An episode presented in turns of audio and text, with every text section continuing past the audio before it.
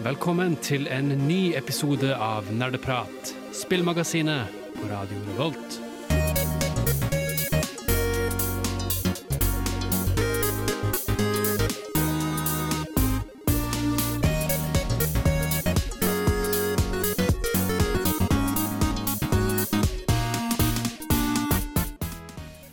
Hei og velkommen tilbake til nok en ny episode med Nerdeprat, spillmagasinet på Radio Revolt. I dag skal vi snakke om baller. det, det er veldig vagt hva det vil si, eller kanskje ikke. Det er jo Det, det blir i hvert fall snakk om baller. Um, vi får se hvordan det går. Det skal vi snakke mer om senere. Mitt navn er Trym Håkon Sundby. Jeg er programleder. Med meg i studio så har vi Tai. Og Bård. de samme gamle. Vi går ingen vei. Vi er faen meg sitter fast her hele tiden. Vi, jeg tenker vi bare hopper rett uh, i det jeg ved å snakke om hva vi har gjort siden sist. Um, og det skal vi gjøre etter vi har hørt Bjørn Tomren med 'Long Gone Lonesome Blues'. Vi skal først starte med å snakke om hva vi har gjort siden sist. Og jeg skal hoppe rett i det, fordi forrige sending så fikk jeg en utfordring eh, av eh, jeg, jeg skal si dere, men det var i hovedsak Bård som syntes at dette var veldig gøy. Ja. Eh, og det var at jeg skulle spille to timer Path of Exile. Og jeg har på en måte gjort det, men samtidig ikke. Fordi jeg, jeg, jeg gadd bare spille én time. Og det var fordi jeg syntes det var fryktelig kjedelig. ja, det er forståelig. Det var um, Det er jo en action-RPG hvor du, du klikker på bakken, og så gjør du angrep mot fiender og alt det der. Og det gikk så sykt tregt! Herregud, liksom! Ja. Og jeg har hørt fra min kompis som har spilt masse, eh, shout-out til Alexander. Ehm, han, og jeg har sett på han spille òg, det blir jo helt fuckings crazy når det kommer på slutten. Men jeg skulle ønske det var med en gang. Ja. Jeg har ikke lyst til å pine meg gjennom ti timer med gameplay før det, før det blir gøy. Nei, jeg, jeg er enig. Uh, det, det tar ikke så lang tid før det blir gøy. Du må bare samle opp en del ferdigheter, men du starter liksom med én. Ja, ja nettopp. Og det er litt kjedelig. Um, Og, og jeg fikk jo heller ikke oppleve nødvendigvis denne kompleksiteten som det var snakk om. da Fikk du se det treet med passive ferdigheter? Ja, å, ja, ja det gjorde jeg. Ja, det, der, der var det noe. Men eh, der, der satte jeg meg ikke så jævlig dypt i det. Jeg gikk bare for mail damage. Ja. Rakk du å oppleve valutasystemet? Eh, Jeg, nei, jeg valgte å ikke sette meg inn i det. Fordi jeg hadde, jeg hadde tydeligvis fått penger, men jeg bare valgte å ikke kjøpe noe fordi det gadd jeg ikke. ja, Um, jeg hadde lyst til å slåss, så klart. og, og, og jeg gikk og slåss, og det syntes jeg var litt kjedelig. Ja. Men um, det mest kompliserte var alle disse slottsa med ting og abilities og alt det der. Det er også veldig komplekst, ja. Ja, um, men siden det var så liksom helt ferskt, så antar jeg at det bare blir mer crazy utover. Ja. Så jeg fikk ikke oppleve så mye av det. Eh, ikke et spill for meg, kjente jeg. Men er det, Tror du det er pga. Path of Exile som et spill, eller tror du det er fordi du ikke liker isometriske eh, Det er, det er det jeg er usikker på. Um, jeg har det jeg liker å kalle en goopy goblin gamer brain. Ja. Som vil si at der, om det ikke skjer noe i spillet som umiddelbart liksom tar meg med, så bare mister jeg fullt interesse. ja, skjønner. Uh, og det skjedde med Path of Exile. Mm. Så, så, da, så, så jeg merka at de siste ti minuttene Da spilte jeg egentlig bare for å ha gjort det. Ja. Ja. Så Men nå har jeg gjort det, i hvert fall. Jeg, jeg håper det er godkjent at jeg spilt én time. Ja. Det er Ikke det. to. Ja. Tusen takk. Mm. Time, hva har du spilt siden sist? Ah, jeg, som vanlig så hater jeg jo meg selv. Eh, så jeg og en kompis av meg hoppa på Rust igjen. Ikke noe nytt. Nei, dessverre. Um, nei, så vi spilte Rust. Uh, bygde opp en kjempefin base. Vi hadde store planer om å spille til helga nå. Uh, og så glemte vi at uh, det er noe som heter Force Wipe. Eh, Ja. første, eller første eller andre torsdagen hver måned eller noe sånt. Og det er i dag. Det er i dag. Så vi brukte jo sånn solide fire timer eller noe sånt i går på å bygge opp en god base og bare sette sånn et godt startpunkt da for hvor lang vår lange gamesession til helga. Men alt det er borte, da. altså, oh, ja. ja. eh, så jeg, som vanlig så får Rust til å, meg til å hate meg selv, da. Så egentlig ikke noe nytt. Nei, på ingen måte. Nei. Uff. Nei. Jeg syns, jo, faen, jeg har også fått meg robotstøvsuger. Åh. Hva har du kalt den? Åh, jeg har ikke bestemt meg på navn ennå. Nei. Eh, så jeg er åpen for eh, navnforslag. Hvis du har navnforslag til Tai sin robotstøvsuger, kan du sø sende dette på mail til nerd at radiorevolt.no. Ja, de tas med glede. Vær så snill. Mm. En eh, fantastisk opp oppfinnelse. Jeg er lat som faen, så dette passa bra. Ja. Vi går videre. Bård, hva har du spilt siden sist? Eh, Ja, ja. ta, no, ta ett eller to. Ja, eh, jeg kan kjapt gå gjennom Jeg spilte Dark Side Detective, som er et pek og klikk-spill hvor du etterforsker ni saker totalt. Med en litt sånn overnaturlig natur. Veldig bra skrevet, veldig gøy. Jeg husker, jeg aner ikke hvor mye det koster fordi jeg fikk det gratis gjennom Humble Bundle et eller annet sted. Etterforskningsspill? Anbefales. Eh, Du er skikkelig på sånn etterforsknings... eh, jeg, jeg liker det, men de var også veldig godt skrevet. Det var 2D, så det var litt sånn uh, lavt uh, Jeg liker så mye eh, rom for å ha veldig mye kompleksitet, men fortsatt veldig gøy skrevet. Mm. Veldig mange vitser og sånt kul- popkulturreferanser. Mm. I tillegg har jeg spilt, uh, tatt opp igjen Blasphemous, som er et uh, Dark Souls-aktig RPG-spill i 2D. Eh, har ikke helt kommet i mål oh, ja, med det. ja, det kjenner jeg til. Men veldig gøy. Anbefales for de som er interessert i Dark Souls-lignende kampsystem. Det er som grimdark. Jeg bare, det er veldig sjarmerende. Jeg vet ikke om jeg har spilt det. Ah, nei, nei, jeg tenker sånn i stil. Ja. Det er sånn veldig mørkt og trist og litt sånn glory. Ja, og veldig mye religiøse uh, referanser. Men det er Som er bare veldig bra. interessant. Det er jo dritinteressant. Ja. Og I tillegg så vil jeg, uh, har jeg også plukket opp Chasm, som er et Metrovadia hvor du utforsker en, et hulesystem og finner masse ting skjult nedi der. og sånn Litt, uh, litt spinkelt i innhold, kanskje, men fortsatt jeg syns det er helt greit og foreløpig. Metroidvania er gøy, det. Ja. Men jeg burde, jeg burde kanskje finne et bedre et. Men jeg satser på at jeg kan bli ferdig med dette i løpet av noen timer, og så beveger vi videre til Ja, neste. det, det, det løses nok eh, om bare et par timer. Sånn. Nerdenytt.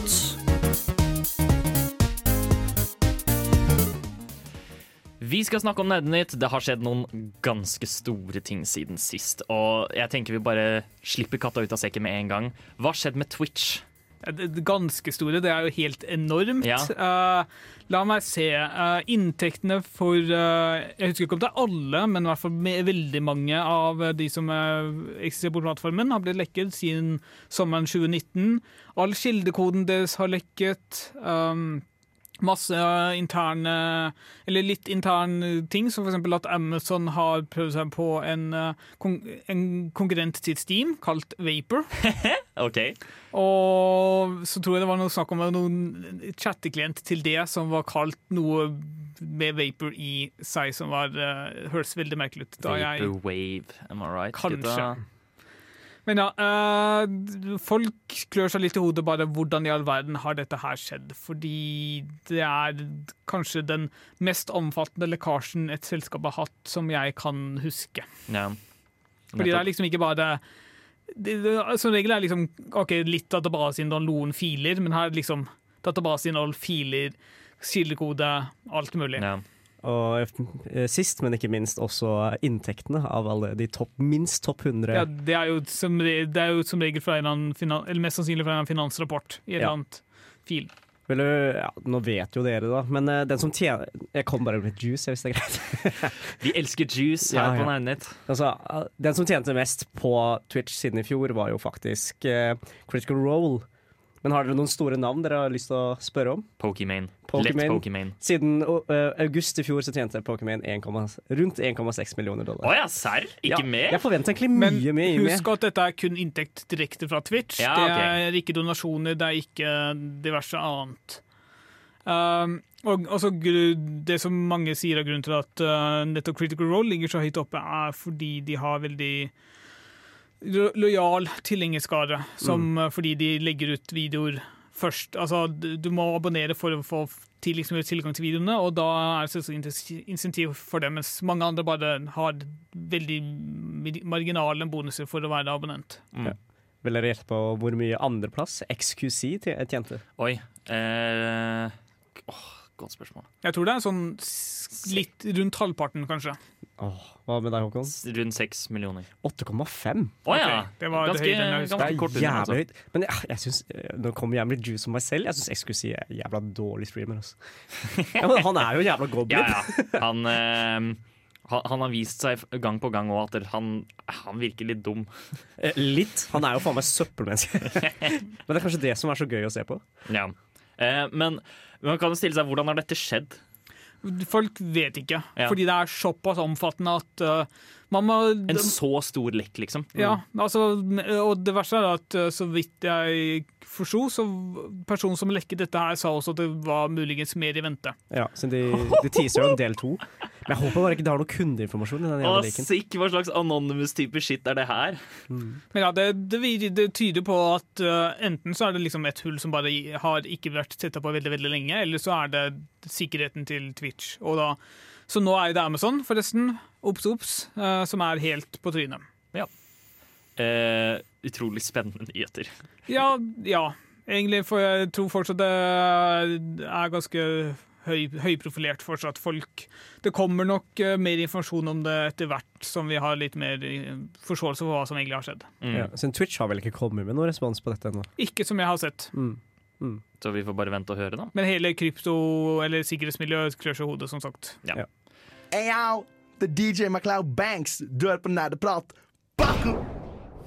Det stemmer, du hører på Nerdprat, og vi har mer nerdenytt. Vi går rett på sak. Eh, på tirsdag så annonserte de den aller siste Smash-karakteren. Og det ble Det ble Sora fra Kingdom Hearts. Eh, for de av dere som har hørt på eh, Nerdeprat før, så vet dere at jeg har en liten bakhistorie med Kingdom Hearts. Fordi jeg har liksom det største hatet for det, men jeg spiller det gang på gang. Fordi det er ganske gøye spill. Jeg liker faktisk Sora. Nei, Sora er faktisk den verste delen av hele Kingdom Hearts. ai, ai, ai, ai. Ehm, My cute little boy. han, han er så irriterende, liksom. Ah. Han er jo ikke blir sykt irritert av ham. Han er naiv. Synes. Ja. Ja. Uh, jeg syns det er veldig flott at han uh, får lov til å være med i spillet nå. Han er jo, det, det, jeg syns det er veldig passende at den største crossover-slåssespillet ender med det største, et av de største crossover-spillene i historien. ja, definitivt. Disney og Final Fantasy-type. Men eh, du har vel også fått med deg at uh, i tillegg til at altså Cirka samtidig som dette ble annonsert, så ble det også annonsert at uh, Switch får tilgang til Kingdom Hearts-spillene gjennom eh, spilling. det ble annonsert i samme Direct, så hvor Sora ble vist, faktisk. Ja. Um, Sakurai, han som har laget Smash, eh, fortalte også at em, for seks år siden så var det en Smash Ballot for Smash Wii U, eller Smash 4, da, hvor eh, du kunne stemme om hvilken karakter du helst ville se. Eh, Sora var tydeligvis den aller mest etterspurte karakteren i hele den balleten men de kunne ikke fordi Square, og, og, og ikke minst Disney, Ja, ja. Disney er noen jævler når det gjelder sånne ting. Og det, det så man også i traileren. Det var sykt funny. Hvordan, de, de- de hadde rett og slett eh, Dere husker Sovjet? Eh, alle de bildene og sånt hvor de bare liksom slettet folk fra bilder. Photoshoppa dem ut og sånt. De har gjort det med alle Disney. Alt av Disney i denne traileren her. Men teknisk sett, rent teknisk sett, Håkon, betyr det ikke at Mickey Mouse er canon i uh, Smash-universet? Jeg vil si det. Ja, Ja, vet du noe om ferdighetene til Sora? Vil Mikke dukke opp? Vil uh... Nei, dessverre. Ingen av de er med. Og det er sånn, uh, Kun i traileren så hadde de kjettingen hvor Mickey Mouse-hodet er. OK. Eh, Om du ser han i spillet, så har han ikke den lenger. Fordi det, det får de ikke lov til. Fordi Disney Å, de blir sinna! De Ja. blir sinna hvis de, de hadde gjort det. Den, Men hva, hva med, har ikke Sora en, liksom en kompanjong eller klone eller et eller annet ting? Roxas eller noe sånt? Jo, og det er hans nobody. OK. Men, er, er, vi er, kan er, ikke snakke om Kingdom Hearts law nå. men er, noen av dere representert, eller er det kun Sora? Det er kun Sora. OK. Eh, eller de andre er representert gjennom det som kalles spirits. Som bare på en måte er Tenk på det som trofeer. Ok, Ja. Um, og det er det meste, men det er, kun, det er i hovedsak Sora og de originale Kingdom Hearts-karakterene. Ingen Disney-karakterer. Ja, OK. Men uh, han ser han ser, og han ser overdrevet bra ut. Det, det skal jeg også kaste på. Eh, at han, naturligvis så har du betalt fem, uh, fem dollar for denne karakteren, så da må han være jævlig bra. Ja. Altså sånn type styrkemessig? Ja, eller? Styrkemessig. Han virker som en av de beste karakterene i spillet. Ja. Og det er altfor tidlig å si, men han bare ser så Ja, har du fått prøvd den ut ennå? Nei. Han kommer ut 18. oktober. Så se fram til det. Ja. Har vi noen andre nyheter som er verdt å nevne? Ja, jeg syns det var veldig interessant at vi kunne nylig få vite at uh, Ghost of Tsushima vant en uh, årets pris under jeg tror det var Tokyo Game Show. Som jeg syns var veldig merkelig, fordi Ghost of Tsushima kom ut for over et år siden. Ja. Sånn halvannet år siden. Så bare, hva har skjedd? Jeg har, ikke lest, jeg har ikke lest nok til å finne ut hva som har skjedd. Mest sannsynlig så ble fjorårets kansellert, og så bare inkludert det i årets De bare pris. glemte at det spillet fantes. Så de var sånn derre Å ja. Eller kanskje det er PlayStation 5-versjonen av Ghost of Tsushima som har fått prisen, og ikke Det kom ikke, ingen bra spill eh, i år, så vi må bare kåre dette her en gang til. Ja, nei. Uansett veldig merkelig, men sikkert velfortjent. Anna skrøt veldig av spillet, i hvert fall en periode. Ja, hun var kjempefornøyd med det Jeg har ikke spilt det selv, så jeg aner ikke. Sucker Punch er jo også veldig eh, talentfullt studio. Ja. Eh, og så det, det skal ikke være noe tvil om det at det, det er eh, bra. Sjekk det ut hvis du har lyst. Bra Yep. fortjent. Ha-ha, du aktiverte nettopp mitt trap card. Nå er du nødt til å høre på nerdeprat til episoden er ferdig. Nani? Nå starter vi eh, dagens tema. Og, hva, Hva- og, og vil, dere, vil dere gjenta det? Jeg sa det på starten av sendingen. Er det noen som har lyst til å Var, det gjengi det til meg? baller? Det var baller, altså. Ja. Nei, men det er, For å være helt ærlig så har jeg litt mange baller i lufta for tida. Ja. Uh, men det, det er greit at vi får snakke om de aktuelle ballene. Er det feite, runde baller i lufta? Ja, Ja. Feiteste ballene. Det her er kanskje Nerdeprats mest nisjeting vi har snakket om noensinne. Eller i hvert fall på veldig lenge. Vi- Ja. Ville du sagt det er små baller? Ne- Dette er ikke Hva faen? Nå må, du, nå må du roe deg ned, Tai. Nå må du roe deg ned. Um, men ja, hva, hva, hva involverer dette? Ballspill. Ballspill. Ballspill. Vi, ja, OK. Spill, spill med baller i seg. Spill med baller i Det er såpass lett, egentlig. Ja, altså Spill hvor baller eller ballformede ting eller runde rundeformede ting um, spiller en stor rolle. Ja, det er, det er viktig um, at der, å presisere da, at det, kule og ball og sfære og hva enn det er, vi ser på alt det som samme tingen i dag. Så egentlig var det flere verdensromspill. Hæ? Hæ? Alle planetene er jo kuler. Nei, det, det, gjelder ikke, det gjelder ikke. Det skal være, men det, i prinsippet så skal det være en ball. Den skal rulle. Å ja, ok, Så ting må rulle, ja. Ja, det må rulle. Men Så ikke rotere, det er ikke godt nok. Nei, nei, nei. nei, nei. Er ikke det bare akkurat det samme? Hvis den ruller, så, så er den en ball, og da kan den være med i denne sendingen her. OK, greit. Jeg, jeg forstår. Jeg tror jeg, jeg tror jeg forstår. Det er faktisk for mange baller å inkludere um, planeten også. Men i Dark Souls kan man rulle. Men du er ikke en sfære. Du er ikke Hva, sirkulær. hva om man lager en karakter som er sirkulær? Jeg orker ikke dette her. Nå er det for vanskelig. Det er ikke så komplisert. Vi skal snakke om eh, baller og hvordan de brukes i spill, og spill om baller og spill med baller. Ja. Det var det. Eh, vi går rett på låt, eh, og så skal vi få høre en liten gjennomgang av ballens historie innenfor videospill etter vi har hørt Poppy med 'Lesson the Damage'. Nerdeprat på Radio Revolt. Som jeg nevnte før låt, så skal vi gå litt innom eh, ballens historikk i videospill. Man skulle ikke tro at det er så mye å ta derfra, da, men jeg har tatt et lite dypdykk, ikke sant? Så jeg, jeg, jeg bare tenkte jeg skulle spørre med dere. Hvordan tror dere ballens historie ser ut? Det starta vel med pong. Det må vel starte med pong. Ve veldig mye opp og ned, vil jeg si. Veldig mye opp og ned. Ja. Ballen går opp og ned, det stemmer. Og det skal vi få høre om nå.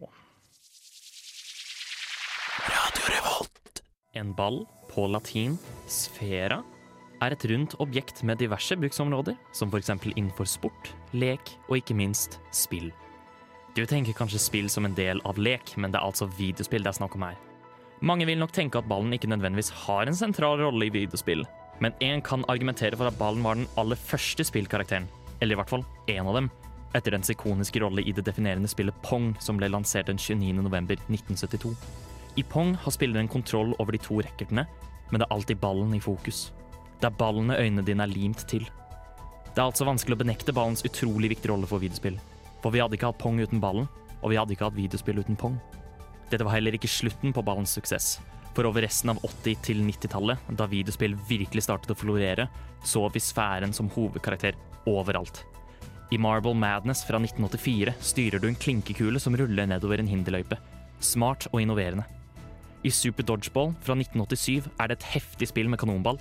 Et ballspill hvor målet er å eliminere hverandre med å kaste baller på hverandre. En god adaptasjon av den virkelige sporten. I Super Gloveball fra 1990 kontrollerer du en hånd som kaster baller på en vegg og ødelegger den. Og i Orb 3D, også fra 1990, styrer du et sfærisk romskip og kan lett beskrives som at du spiller pong med deg selv. Det var klart og tydelig at ballens rolle i pong ikke bare var et one hit wonder. Det er også verdt å nevne at selv om selve ballen er ikonisk nok for seg selv, utviklet den seg på samme tid til noe større, nemlig som en karakteristikk for egne karakterer. Egne levende karakterer kan med andre ord være baller nå. Først har vi Pacman fra 1980 som alltid har hatt en rund form, og skulle opprinnelig hete Puckman grunnet hans lignende utseende til en hockeypuck. Dette gikk ikke gjennom ettersom de var redde for at P-en for lett kunne endres til en F. Uansett, Pacmans runde form er fortsatt en sentral del av hans karakter. En annen kuleformet karakter som fortsatt lever den dag i dag, er den rosa ballen Kirby, som debuterte i Kirbys Dreamland til Gameboy. For Kirby har de til og med brukt hans runde utseende til gode i spillet Kirbys Dream Course, et golfspill hvor Kirby selv er golfballen.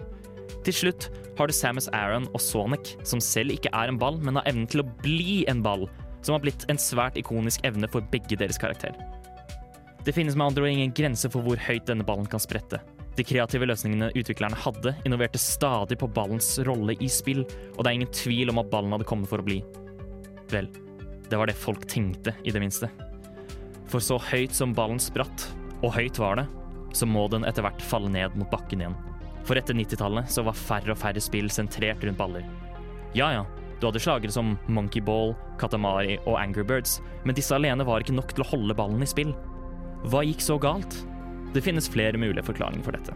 Ballen nådde utvilsomt sin peak på 80- til 90-tallet, og det er mulig at innovasjonen ikke strakte seg noe videre enn dette. Muligens kan også folk bare ha gått lei av baller. Når alle utviklerne prøver å gjøre noe med baller, blir det rett og slett for mange baller i lufta. Kanskje folk rett og slett ikke syns baller er noe gøy lenger? Til slutt, som kanskje er den mest plausible årsaken, er at ballen har blitt redusert til en simpel mekanikk i spill, ofte som en minigame eller noe lignende, framfor å være det sentrale hovedfokuset av spillet. Men uansett hva årsaken er, så ser vi ikke så mye av ballen i videospill lenger. Kanskje én gang i året maks. Men det er vanskelig å benekte hvor innflytelsesrik ballen har vært på spill. Og det er evident med hvor høyt den en gang spratt.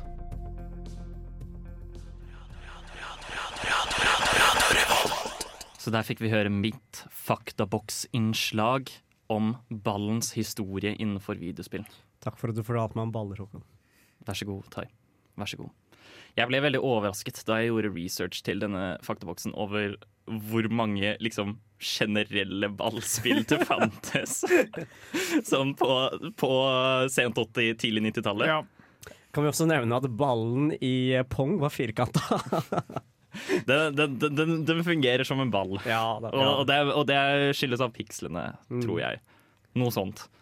Men eh, har det noen tanker, noen innspill?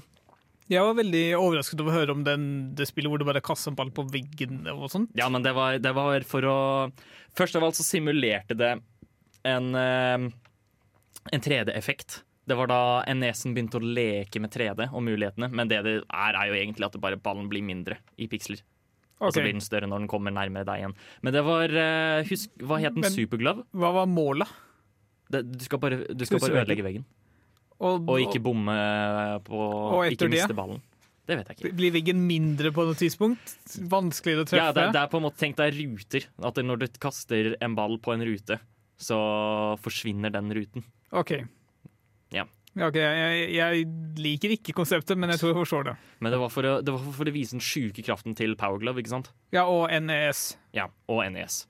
Men eh, det, det, jeg, syns, syns jo det er leit, eh, fordi man ser jo det veldig tydelig nå til dags at det er mye, betraktelig mye færre fokus på ballspill. Liksom spill sentrert rundt baller, da. Både jeg- En spilltype som vi ikke kommer til å snakke så mye om i dag, er jo eh, sportsspill, f.eks. Fifa. Det kommer et nytt Fifa hvert eneste år, Ja. men de er ikke veldig bra. Nei, det er sant. Eh, og det er, det er nettopp, De prøver bare å etterligne den virkelige sporten ikke sant? framfor å innovere på den. Ja. Gjøre den kulere, gjøre den mer spenstig. Mm. Og det er eh, Det er trist når man ser hvor høyt ballen som karakter var tidligere. Ja. Det, det, det, det setter virkelig ting i perspektiv, tenker jeg. Kanskje det kommer nytt Pacman. Vi har jo Pacman 99. Ja, men altså, Men 99. Ja. Pac-Man nå for øvrig har jo diverse spill hvor eh, han bare er en ball igjen. Det er et fint spill som heter Pack and Roll. hvor hvor han bare, bare er en ball, og du ruller ballen. Ja. Du ruller han gjennom en rullebane. Det er ikke verre. Nei. Og, det er, og, og, og jeg, jeg nevnte det også i anmeldelsen. Det skal jeg også si. Kirby's Dream Course. Bangerspill. Det er skikkelig bra spill, liksom. Golf med Kirby. OK, så du, du liksom påvirker uh, hvor uh, rund Eller ikke hvor rund den er, men hvor myk den er, for å liksom se hvor langt du slår den, eller hva? Eller er Kirby alltid statisk, og så endrer du klubbe sånn som vanlig Eh. Kirby er alltid statisk, og du kan slå den eh, så så hardt. Um, og det er samme klubbe, men du kan få copy abilities, sånn som i Kirby. Ja, Som gjør, gjør diverse effekter. Kult. Det er ganske kult. Det er faktisk veldig bra. Og hvis du har en, eh, en Jeg tror det er en Switch med NES, SNES Virtual Console, så er det bare å prøve. Ja, fordi så klart har ikke det kommet siden SNES. Nei. Nei, nei, naturligvis ikke. Men, men der fikk dere altså en innføring. Eh, det er viktig å sette det i perspektiv ikke sant, før vi virkelig kan gå i dybden på det komplekse sjangeren av Ja, ballspill. inntil kjernen av ballen. Inntil kjernen av ballen. Eh, og vi, vi er ikke ferdig med å utdype på hvor kompleks baller kan bli, fordi vi skal nemlig snakke om ballfysikk. Og det skal vi gjøre etter vi har hørt Thea Paulsrud med Safe Haven her på Nerdeprat. Ikke fuck med meg! Jeg har kraften til Gud og nerdepar på min side. Men hæ?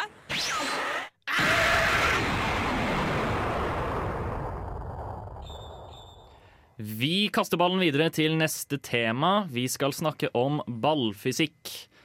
Hva mener vi med det?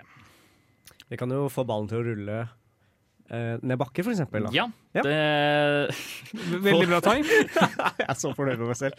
Eh, for, for å forklare noen eh, korte trekk, da. Eh, ballfysikk er rett og slett Hvis du har et videospill, og du har en ball, så mener vi hvordan ballen oppfører seg i lys av spillets fysikk. Ja. Um, så for eksempel og, og hvis du da har et spill som er sentrert rundt en ball, så er det viktig at denne fysikken er på plass, eh, og at den føles eh, naturlig ut, og ikke minst gøy. Ja. Ja. Fordi hvis du, hvis du har et spill som er- sentrerer seg rundt en ball i utgangspunktet, så er det, mest, så er det der mest sannsynlig fordi du syns det virker rart og gøy. Også, det er også veldig viktig at ballfysikken som du bruker i spillet ditt, det, det skal være konsistent. Ja, Så ja det- nettopp. Altså, hvis du kaster ballen på samme måte, med samme styrke på samme sted, så skal den oppføre seg på samme måte hver eneste gang. Mm. Du har jo det legendariske eksempelet Bad Rats på hvordan det her ikke, ikke skal gjøres. da. Men Bad Rats blir jo så uendelig mye gøyere pga. at det ikke fungerer. Ja, men det er også kalt en av tidenes verste spill, Ja. rett og slett fordi det ikke fungerer. Så i Bad Rats så er det slik at du skal putte ballen på et visst sted, da. Um, Mm. Og så er det sånn der puzzlespillaktig. Det er, rett og slett du skal, du skal sette opp rotter og slikt sånn at de dytter en ting for å drepe en katt. Ja. Uh, men Det hele, er veldig rart. men hele, hele problemstillinga med Bad Rats er at ballen oppfører seg aldri likt. Ja. Så du kan sette opp det perfekte, perfekte oppsettet og prøve 100 ganger og få 100 forskjellige svar. Ja.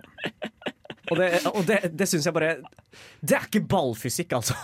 Det er jo er, frustrerende. det er en form for ballfysikk. Det er en bare- jævla crap form for ballfysikk. Det er ballfysikk. som ikke fungerer. Men litt kvantemekanikk og sånt inkludert. Ja, ekstremt mye kvantemekanikk. Nei. Det er, men det er utrolig gøy å se på, da. Eh, Bad Rats i hvert fall. Men, jeg, men det er utrolig frustrerende å spille selv, fordi det, du bare prøver på den, og så går det. Ja. Mm. Men eh, om vi tar eh, eh, Grunnen til at vi har denne sendingen her, da, eh, kan jo nevne kjapt. Eh, det er gammelt arkade... Eller ikke gammelt. Jo, 20 år! Over 20 år, faktisk. Er som heter Monkey Ball. Som har blitt eh, videre slippet ut på konsoll som Super Monkey Ball. Hvor eh, du styrer en ape inni en ball, og du ruller. Og der er det rett og slett sånn eh, Du kan ikke hoppe med denne ballen og lignende, men eh, du Idet du på en måte ruller ned en eh, slope, så bare går det bygger opp raskere og raskere, og raskere, og så blir den uendelig kjapp jo fort du ruller ned bakken. U uendelig kjapp. Ja, Hvordan fungerer det det? altså at det, det, det, den, den når ikke en maks speed. Og den, den har ikke noe tak. Ja, Det er ikke noe sånn at den når uendelig meter per sekund. Nei. Nei. Um, og det gjør at det, uh, og det er ting du for må ta i betraktning, Fordi der er det rett og slett du har små hinderløyper, og så skal du komme deg i mål som apen. Ja. Em, og da må du ha det i betraktning for når du skal gjennom for eksempel litt mer sånn tighte rom Mm. og lignende. Eh, hvis du har for eksempel en veldig tynn bane å gå over, så kan du ikke gå så jævlig kjapt. Fordi da kommer du til å falle Da kommer du til å fly av banen umiddelbart. Ja. Det er sånne ting man må tenke på. Et annet spill vi også skal snakke om senere, er Rocket League. Som er dette det, det er fotball, men med biler. Ja, og der er jo veldig sånn For eksempel sprettbarhet har veldig mye å si. Det at Ja. ballen spretter. Og også i og med at det er konkurransespill, så vil du gjerne at det er veldig um, hva skal jeg si, uh, at man kan forvente hvordan ballen flytter seg. Altså, ikke nødvendigvis at den er konsistent mellom hvert forsøk, men det at den liksom følger naturlig bane i Mm. forhold til hva, den, hva man, spilleren forventer. Ja, Der er det også naturlig at det liksom vinkel du slår ballen fra, får den til å sprette i en viss retning og med viss fart Ja. og lignende. Nemlig. Så um, det er veldig mye som på en måte er viktig da, når du skal lage ballfysikk. Ja. Og sentrere rundt det. Eh, har vi noen siste Jeg kan bare fortsatt ja. for kjapt nevne Jeg har nylig spilt eh, spill jeg ikke vil anbefale overhodet. Et Scully, hvor du kontrollerer en hodeskalle som eh, eh, ruller av gårde. Og der Jeg merker bare sånn at eh, av og til så føles kontrollene litt sånn uresponsive. Det tar litt sånn, altså Av og til så det, gir det mening at en, for en ball skal bruke litt tid og energi for å liksom bygge opp en fart, men på en litt mer sånn plattformspill, så, eller i hvert fall i det spillet, så føltes det litt sånn ikke bra ut. Ja.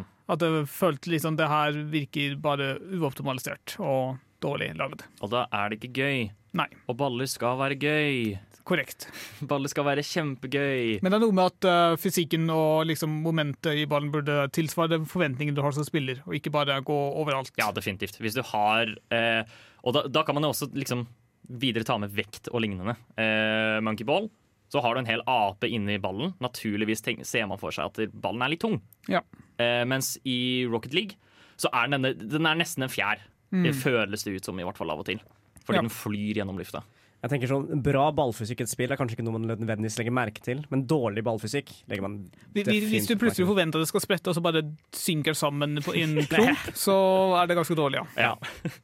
Men uh, vi, vi tar det i hvert fall opp, da, fordi én ting er at ballfysikk er morsomt å tenke på, men også fordi det er ganske viktig for alle spillene vi har tenkt å snakke om. Eller de fleste spillene vi har tenkt å snakke Ja. om.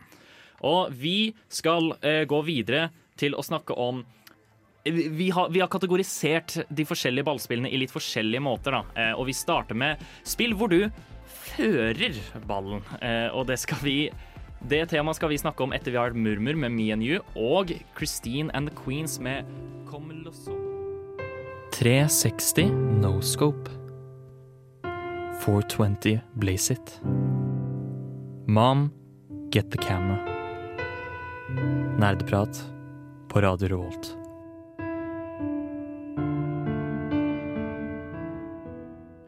Velkommen tilbake til Nerdeprat. Vi snakker fortsatt om baller i videospill, og nå skal vi snakke om føringen av baller. Ja, så da har vi jo nettopp snakka om hvordan baller fungerer. Så nå skal vi snakke om eh, spill så hvor vi fører ballene. Hvordan å ta på ballene dine. Ja, hvordan, hvordan berøre ballene dine på mest mulig måte. For å putte det hullet, eksempel. I Golf with Friends, da. Ja, det er et godt eksempel. Har du lyst til å utdype der? Ja, altså I Golf with Friends så er det mange, mange som spiller golf samtidig, da. Uh, Hvil- Hvilket det ødelegger for hverandre. Uh, Du kan jo ødelegge for hverandre hvis du vil, men det, som regel så skrur man av ballkollisjon. da Så Ja. ballene våre kan ikke treffe hverandre. liksom Det er okay. jo eh, the, the pussy way out, om jeg ville sagt det selv. Ja, jeg er helt enig. Ja.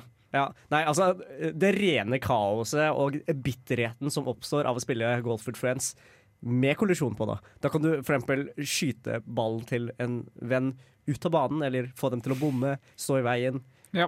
Og det blir bare eventyr ut av det. Bare ved å være kjip. Men uh, hvilket det vil bli problematisk hvis én person bruker en evighet på sine eh, slag, og Jo. så er alle andre ferdige og bare Men det er jo en timer, heldigvis.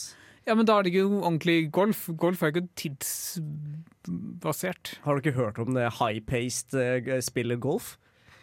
Jeg har, altså, jeg har ikke fulgt med så mye på golf, men jeg er veldig sikker på at det ikke er noe tidsbegrensning i golf. Nei, men det er jo nesten bare minigolf. Det er egentlig bare minigolf. Men det er ikke noe tidsbegrensning i minigolf heller. Nei da, men eh, du må jo uh, Ta, nå forvirrer du meg bare. viktig. Bård, du henger det opp på de små ballene. Um, ja, hva annet har vi? Hva er det du sier? Jeg, jeg har lyst til å ta opp eh, Det her kunne også veldig lett blitt snakket om i, i en kultspillsending, eh, og det er klassikeren Katamari Damasi ja. Og det er åh, hvor starter man med det? Eh, konseptet for spillet er at du, du starter veldig liten. Eh, la oss si du starter inne på et kjøkken eller lignende. Eh, og så har du en ball, og den er veldig veldig klistrete. Og du bare ruller opp objekter med denne ballen. Først av alt så er det litt sånn vanskelig å kontrollere seg rundt i ballen. Og hvis den krasjer noe, så merker du det veldig. Da spretter mm. ballen litt vekk og lignende. Spretter hele deg vekk. Ja. Eh, Så hvis du eksempel ruller dritfort inn i en ting, så bare spretter du bakover. eh, og masse sånne ting. Men uansett poenget. eh, Du, du klistrer objekter til denne, og jo mer ting du klistrer, jo større blir ballen. Og da kan du klistre enda større objekter til, inntil du etter hvert får ballen din så stor at du kan klistre opp hele byer og skyskraper og masse sånn shit. Og, så det er rett og slett Du blir plassert i en verden, og så får du en timer. Klistre opp så mye du kan på så og så lang tid. Og til slutt så blir denne ballen en planet. Men, men, men Håkon, har den uendelig med klister, og hvordan fungerer det? Når du, ja, ja. når du klistrer opp et objekt, hvordan blir da klisteret på utsiden av objektet igjen? Det, det bare fungerer. OK. Det er svaret mitt. Bård, du må lære deg å akseptere at noen spill følger ikke virkeligheten. Jeg sliter litt med det. Poenget er at her så, her så starter du med en ball, og så bøyer du hva definisjonen av en ball kan være til helt utrolig proporsjon proporsjonaler. Men hvem er det som styrer ballen? Det er Katamari. Okay. Det er en liten grønn fyr. Det er det, det jeg kan si. ja. Men ja, du, du, styr, du fører denne ballen rundt, og så blir det til en planet til slutt. Men du får eh, se jo, arbeidet løper du oppå den, eller dytter du den? Du dytter den. Så, se, så selv når den er jævlig svær, så, så forblir du så liten som du var da du starta. Og det er kjempegøy, fordi Ja. eh, du, du kan så vidt se deg selv Ja. nær slutten av et nivå. Som vanlig et logisk mesterverk fra Japan. da. Ja, ja. Hvor, hvor gammelt er spillet? Uh, det er vel fra sånn midten av 2000. Det var GameCube-æraen. Okay. Eh, veldig stort på GameCube. Det kom ut samtidig ish som Chibi Robo, om dere kjenner til det spillet. Nei, overhodet ikke. Men eh, for, å, for å ta det videre, da. Andre eksempler av hvor, hvor du fører ballen. eh, Er, det, du kan finne det liksom overalt i type minigames og lignende. For det jeg Mm. snakket om, det er det ballen dessverre har blitt redusert til eh, i dagens spill. Og et soleklart eksempel for meg her er Super Mario Galaxy. Hvor der balanserer du oppå ballen, og så skal du rulle på en måte Du skal rulle den til mål. Ja. Um, og, da, og da styrer du ballen ved at du det, det, det spillet har jo motion controls, som vil si at du beveger på kontrolleren din liksom i en retning. Det er litt vanskelig å fortelle om på radio. Men uh, alle, alle har eid en Wii, faktisk, Ja, så det burde dere klare å visualisere. Dere. Håkon står her og roterer eh, hånda si Ja. for å illustrere dette. her. Ja. I tillegg så er det jo mange baller i minispill i uh, Mario Party, eksempel. Det stemmer. Og Åh, eh, beste minigamet faktisk er Bumper Balls fra Mario Party 2. det har jeg ikke kjennskap til. Hvor eh, alle, alle står på hver sin ball, og så er det om å gjøre å døtte hverandre ut. Det har bra ballfysikk, det. Kjempebra. Ja. Utrolig gøy. Og så vil jeg bare kjapt nevne Blood Bowl. Som, ikke har så veldig, som har utrolig dårlig ballfysikk, fordi det er egentlig bare terningkast i eh, amerikansk fotball. Men jeg syns spillkonseptet er såpass kult at jeg vil nevne det likevel. Ja, ikke sant? Det er så vidt et ballspill. vår. Det er, ja, men det er et ballspill. Det er en ball i den, og den kanskje ikke ruller, men den hopper litt fram og tilbake og detter ut av hånda på Mm. folk. Men ja, dette er en variasjon av uh, hvordan du kan gjøre ball. Uh, hvordan, du kan, hvordan du kan ta på ballene dine. Og, og geleide ball Jeg aner ikke hva jeg skal. Det her blir for rart, vi må gå videre. Vi skal snakke om en annen måte du kan kjøre ballspill på. Hva om du var ballen? Det skal vi snakke om etter vi har hørt Sufjan Stevens med Back to Oz.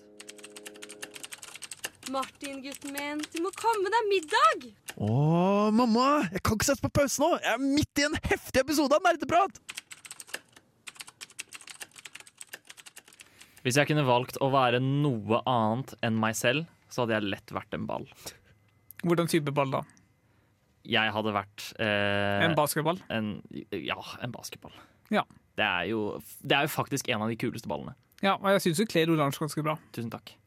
Vi skal snakke om eh, spill hvor du er ballen selv. Eh, naturlig som nok.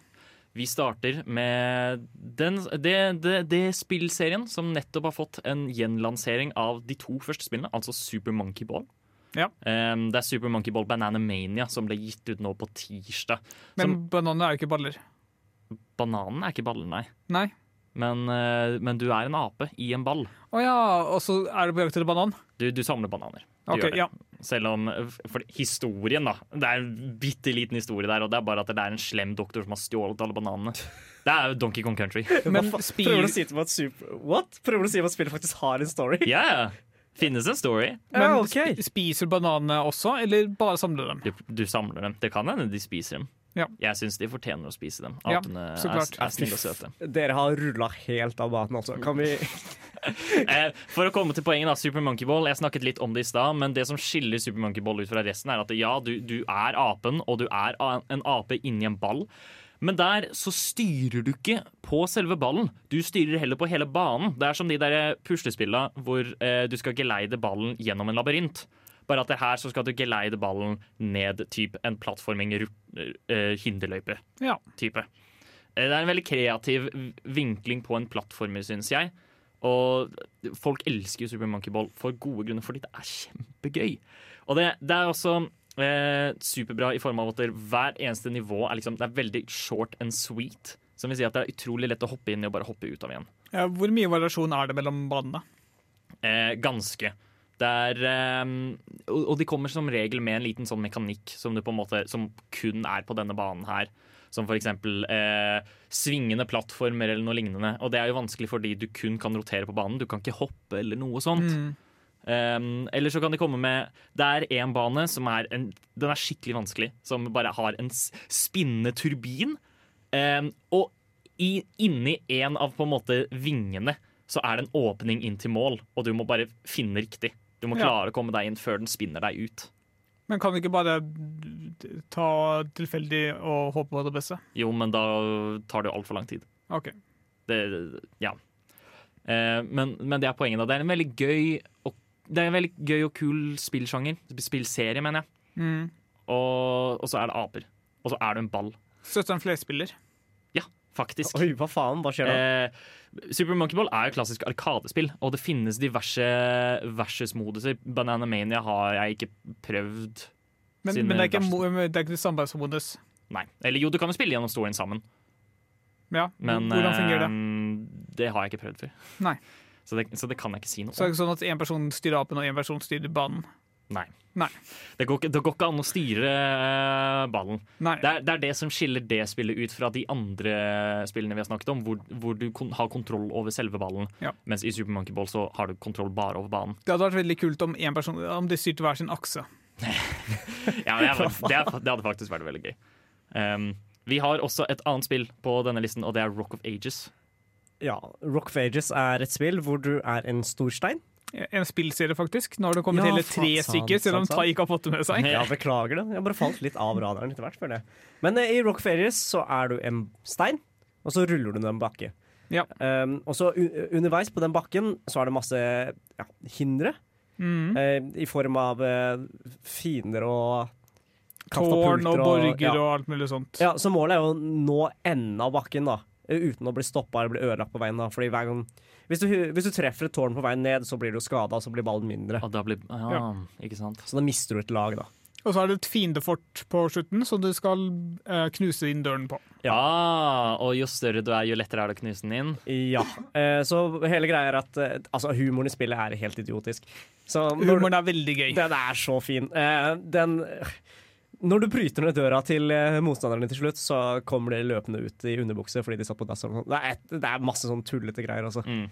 Um, men Rock of Ages er jo et veldig jeg vil, sagt, jeg, vil, jeg vil kalle det unikt, siden det er jo øh, du Det er så unikt. Ja, jeg har aldri spilt et spill som i nærheten ligner Rock of Ages. Ja. Hvordan- Um, Hvordan, hvordan føles det å kontrollere ballen? den har jo veldig mye momentum. Ja, så det, er- det er litt sånn du må planlegge litt fordi det er- tar tid å liksom Eller du beveger deg langt på, de, på den tiden det tar å gjøre endringene i liksom Ja. retning. Mm. Og så er det sånn, Bane er jo ikke lagd for å ta shortcuts, men det går an å ta shortcuts. Ja. Så du føler deg skikkelig så Du føler deg som jævla badass når du greier et hopp som ikke er meninga. Og så De senere spillene har også mulighet for at du kjemper mot hverandre ved at dere har hver deres borg, og begge to setter ut eh, forsvar og sender baller av gårde. Og det blir helt kaotisk. Å, Oh, herregud, det Jeg klarte ikke å gjøre det bra. Ja. Så du kan følge kjøpe tårn som på et sted du vet en fiende av deg ofte hopper over. eller noe sånt da. Ja. Dette er veldig Ja. Det Overraskende høres, strategisk. Høres, eh, det høres faktisk veldig gøy ut. Og historien er veldig gøy. Ja. Manuset er veldig bra. Men dette er altså spill hvor du er ballen. Eh, Ja. Jeg tenker at hvis du, skal, hvis du først skal være ballen, så må det være litt gøy og litt annerledes. Og det har både Super Monkey Ball og Rock of Ages fått til. Du hører faktisk på eh, nerdeprat. Um, Game er gøy. Vi skal snakke om Ballspill hvor man spiller ball mot hverandre. Vi skal, eh, men vi skal ikke spille ball mot hverandre nå, da vi skal spille ball med hverandre. Skal vi snakke om Fifa? Eh, i det vi, snakker. Nei, vi skal ikke snakke om det. Vi skal snakke om det aller største fotballspillet av dem alle, Rocket League. Ja, jeg, jeg er for så vidt enig. Ja. Eh, Rocket League eh, Vi har snakket allerede ganske godt om det sånn egentlig av de viktige tinga. Du, du, du styrer en bil. Ja, Vi har vel egentlig ikke sagt om å styre en bil tidligere. Hæ? Vi har vel ikke sagt om å styre en bil tidligere. Jo, fotball med biler. Okay, ja. Men, men det er uansett. Du kjører bil, og så spiller du fotball mot eh, Og da er det, et vanlig ranked er vel tre mot tre. ja, stemmer. Mm. Så har du rakett på bilen. Ja. Derfor Du Rocket League. booster noe jævlig, og det er så gøy når du har Fordi ballfysikken i Rocket League er så gøy, liksom. Eh, du, du Det kan, er jo ikke tyngdekraft. Nei, det, det finnes ikke. Så det er sånn, når du da booster uh, og, og flyr rett inn i ballen, så fyker den, liksom. Ja. Og så er det jo tak over fotballbanen, da, så du kan, du kan fly Du kan, kjø, du kan booste deg opp veggen og så ta backflips and shit. Ja. Det er jævlig kult. Og så kan du hoppe. Men det er ikke like Og det er, eh, selv om det liksom er wacky gøy eh, bilspill-fotball, så er det også et overraskende bra liksom, konkurransespill i det. Ja. Eh, og det finnes store mekanikk... Folk, er mekanisk gode i det. Mm. Og har faktisk lært seg å bruke ballfysikken i spillet til sin fordel. Og det syns jeg er helt vilt, fordi hver gang jeg spiller Rocket League, så blir jeg bare Knust. Jeg, jeg bare kjører, jeg. Selv om jeg er jo faktisk gull. Men har du, hvor ofte blir du kjørt på og eksplodert av andre? Veldig ofte. Ja. Det er ikke noe gøy. Jeg tenker også en veldig stor fordel av, eh, av Rocket League er at rundene er jo ganske korte. Ja. Så veldig lett å hoppe inn og ut av. ja, fordi det er en tidsbegrensning på noen minutter. Fem minutter. Ja. Eh, og den eneste gangen det fryser, er hvis noen scorer et mål. Mm. Naturligvis, for å starte på nytt. Så ikke noe straffe. Eh, nei. Nei. Ingen straffer. Det er eh, jeg, jeg har innsett at vinklingen vår for eh, det her, ballspill mot hverandre, er rett og slett de mer unike ballspillene mot hverandre fremfor å snakke om kjedelige FIFA.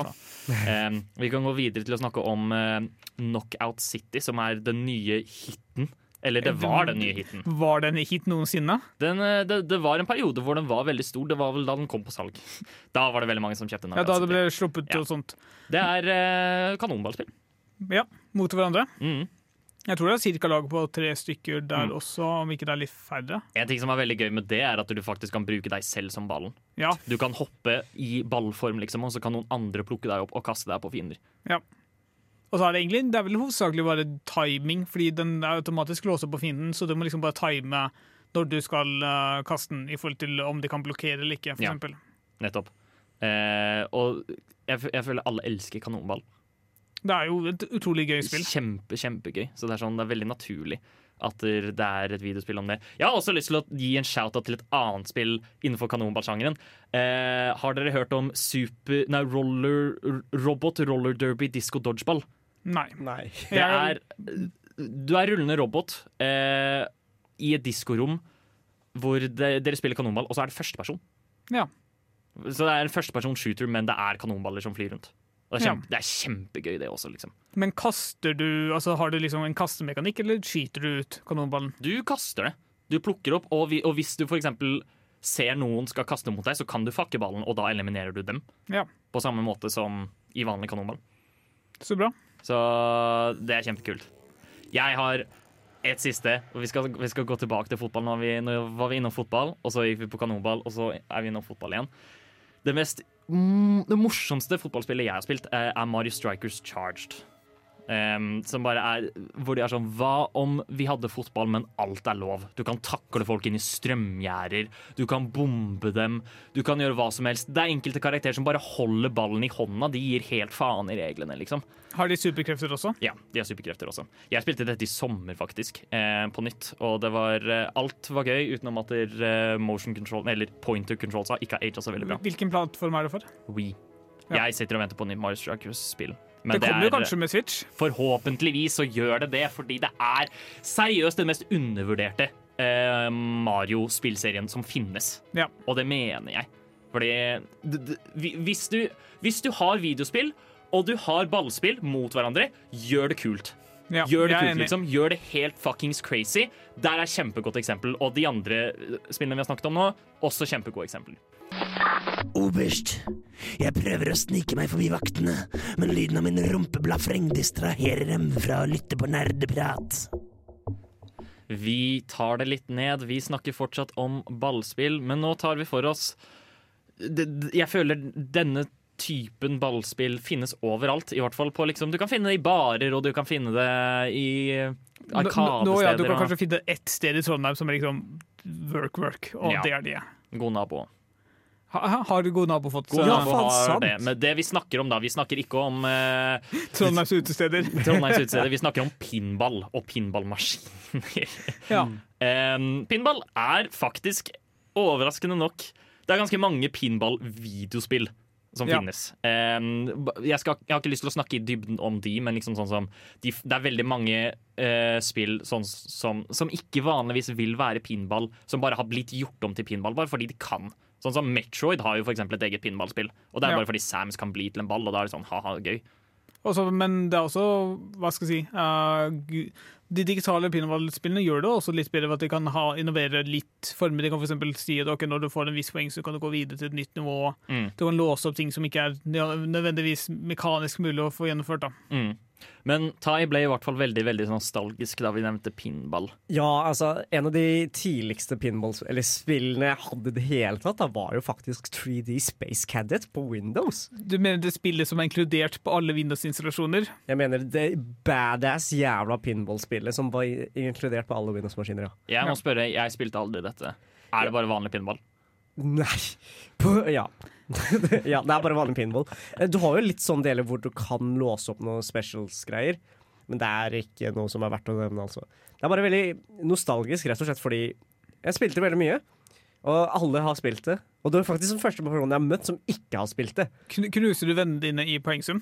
Nei, jeg brydde meg ikke så mye om poengsum. Jeg brydde meg mer om lysene.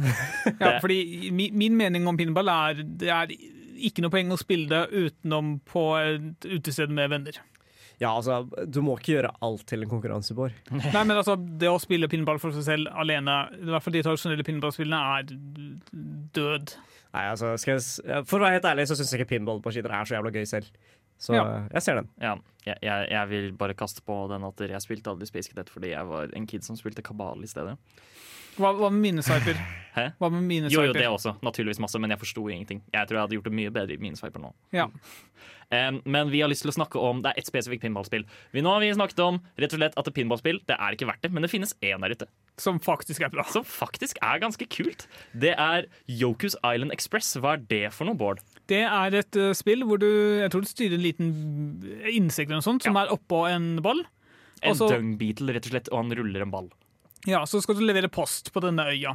Så derfor er det da Island Express. Mm. Uh, men på den øya så er det egentlig en veldig stor pinballbane. Ja. Så du plutselig så ramler ned et hull, og så havner du til de der flipperne, og så skal du, må du flippe deg selv ut av det hullet du kom deg inn i. Og kanskje samle noe ting underveis. Det har typ Metroidvania-elementer til seg, men det er pinball. Ja.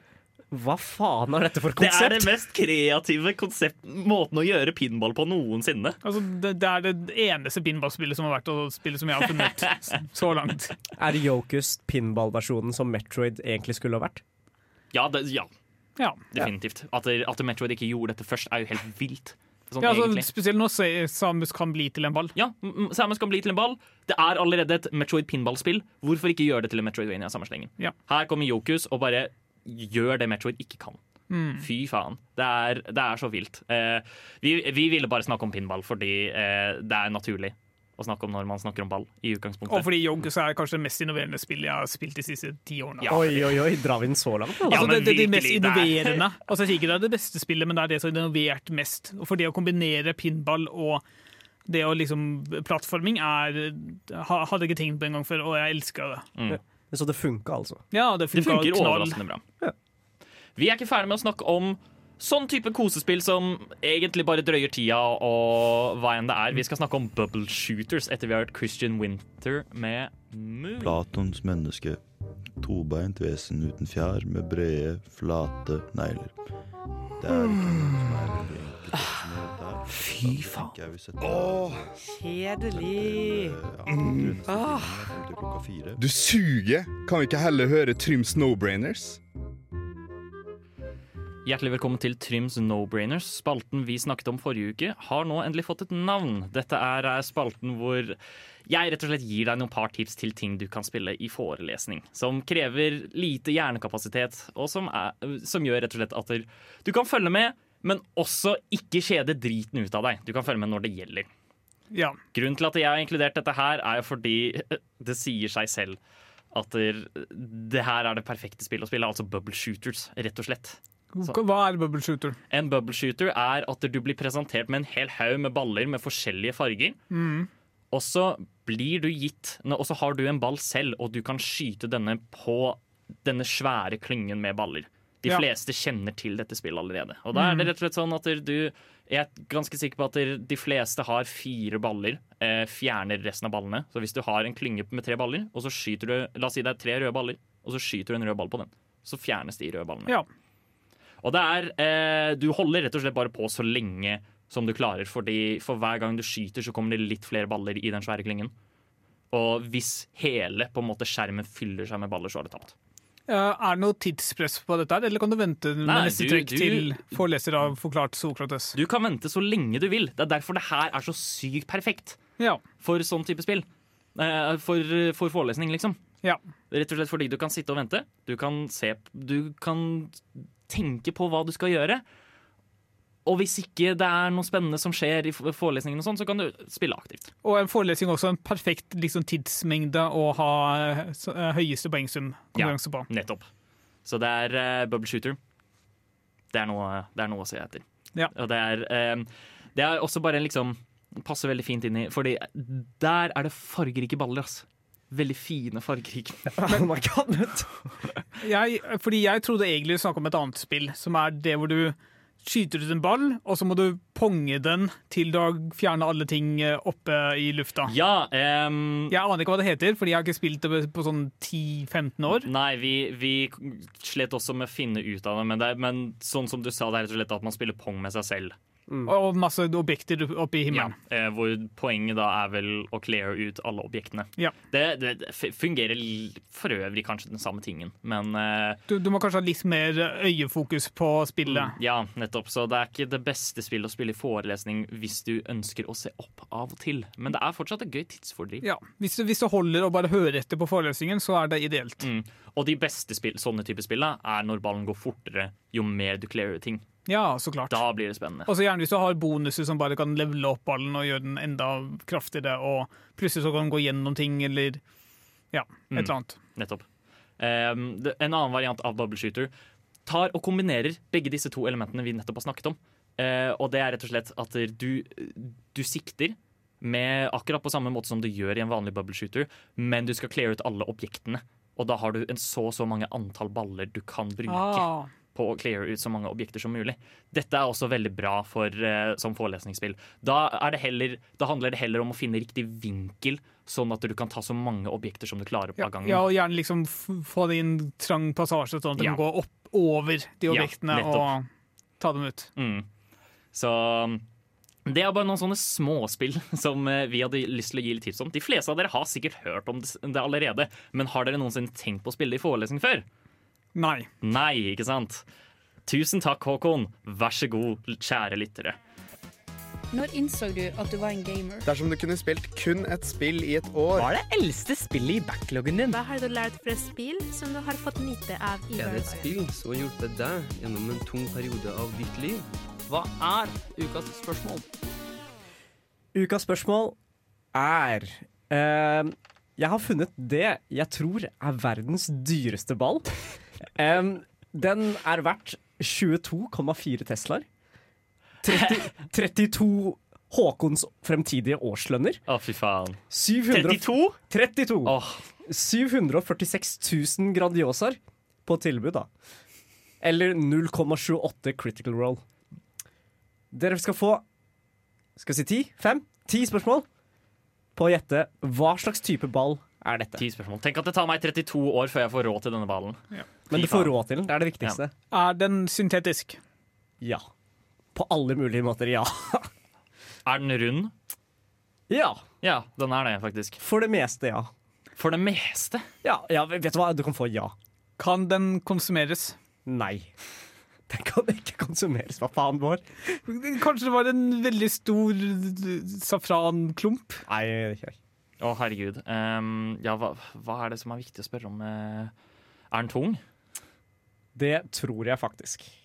Oh, Tung-ish. Det er tyngre enn en vanlig ball. OK. Er den teknologisk? Nei. ok Um, jeg, skal, jeg skal ta en gamble her. Uh, består den av noen mineraler? Ja. Oi. OK. Eh, hvor mange spørsmål er vi på nå? Det, jeg tror dere er på åtte. Jeg kan gi dere to til, så er vi ferdige der. Ja. Er den Hva, hva betegnes som mineraler? Det er et godt spørsmål. It's a min OK, uh, jeg vet ikke, ass. Eh, la oss si eh, En stein. Blant annet. Er det en diamant? Den inneholder masse diamanter. Men er det en diamantfotball? Det er en diamantfotball! Ja da! det, det er faktisk Den heter faktisk The Sham Shimanski Diamond Soccer Ball. Og er verdt 20 millioner sørafrikanske rand, altså 2,59 millioner dollar. Et naturlig spørsmål her hadde vært å spørre kan man sparke denne ballen. Jeg har sett bilder av den, og du vil på ingen måte sparke den. Det ser ut som Den ser ganske piggete ut. Hva i helvete er poenget med ballen, da? Den er dyr. Men, men altså, er den lagd av tøy og diamanter, eller er det noe annet? Uh, Ah, du- har, de lagd, har de blitt gullplater istedenfor de rubrikkene, f.eks.? Ja, altså, for å si det sånn, Den er lagd av metall og diamanter. Det er ikke en ball du har lyst til å spille Så, med. så den er egentlig bare Det er bare en skulptur. Det er, er en ek- det er ikke en ekte ball. Det er ikke en ekte ball. Det er så scam, det. Det er smule scam. Altså, Hvordan kan vi bruke det i ballspill, da? Bård, hvis du er rik nok til å sparke den, må du faen meg prøve. Altså. Det er ingen som stopper deg. Nei, jeg vet. Altså, om 32 år, om Håkon er flink med lønna si, så kan vi prøve det. Skal vi uh, gjøre en sånn avtale om 30 år, så spleiser vi på den der? det jeg, jeg støtter den. Ja, Ja, men altså, vi spleiser på den, Tai. Jeg skal ikke stå bak hele, OK? Jeg har ikke regna hvor mye det Ja, men Greit, om 30 år så kan vi ta spesialsending. Eh, Nerdeprat sparker det Nerdeprat returnerer for å, snakke, for å sparke den dyreste The, diamantfotballen i verden. the Shimanski Diamond Soccer Ball. Og så kan vi brekke foten vår, og så går det fint. Fordi vi er gamle. Ja. Fordi om 30 år er vi jævlig gamle. Men det var eh, en, en, god, en god oppgave. Ja, jeg er overrasket over at vi klarte det. Ja, e- egentlig, men, men samtidig så er det sånn Det er ganske begrenset hva det kan være, Fordi det er, vi vet jo at det er en ball. og, og, og hva er det mest naturlige her? Fotball, naturligvis. For det er jo verdens største sport, tross alt. Selv om vi ikke har snakket noe som helst om Fifa i dag. Og det er, der har vi vært flinke. Dette er bare Egil. Det blir mer drittmusikk etter dette. Vi er ferdig for i dag her på Nerdeprat. Vi har snakket om baller. Og ball i spill, og ball, nei, spill med ball. Ja. Og hva enn det er. Det har egentlig bare vært liksom gøyprat og koseprat om det. Vi har ikke kommet fram til noe særlig annet enn at baller er moro. Ja. Og du er veldig glad for et nytt spill. Hæ? Du er veldig glad for at det har kommet en nytt spill. Ja, Super Monkey Ball er veldig gøy. Jeg har kost meg masse, og du burde spille det du også, hvis du tenker at det kunne vært gøy med apeball. Veldig bra. Ehm, jeg har lyst til å gi et tips, eller to tips faktisk. Jeg skal ta begge tipsa eh, før jeg drar. Og det er at i morgen så kommer Metroid Dread ut. Hvis du liker Metrovanias, please kjøp Metroid Dread.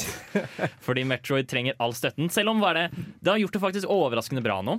Ved at det, ehm, det har blitt, blitt utsolgt allerede før det har kommet ut flere steder. Som vil si, det er veldig lovende for Metroid-serien, og det gjør meg kjempeglad. Det ser også veldig bra ut, og det har fått veldig bra kritikk. Så sjekk det ut. Kjøp det.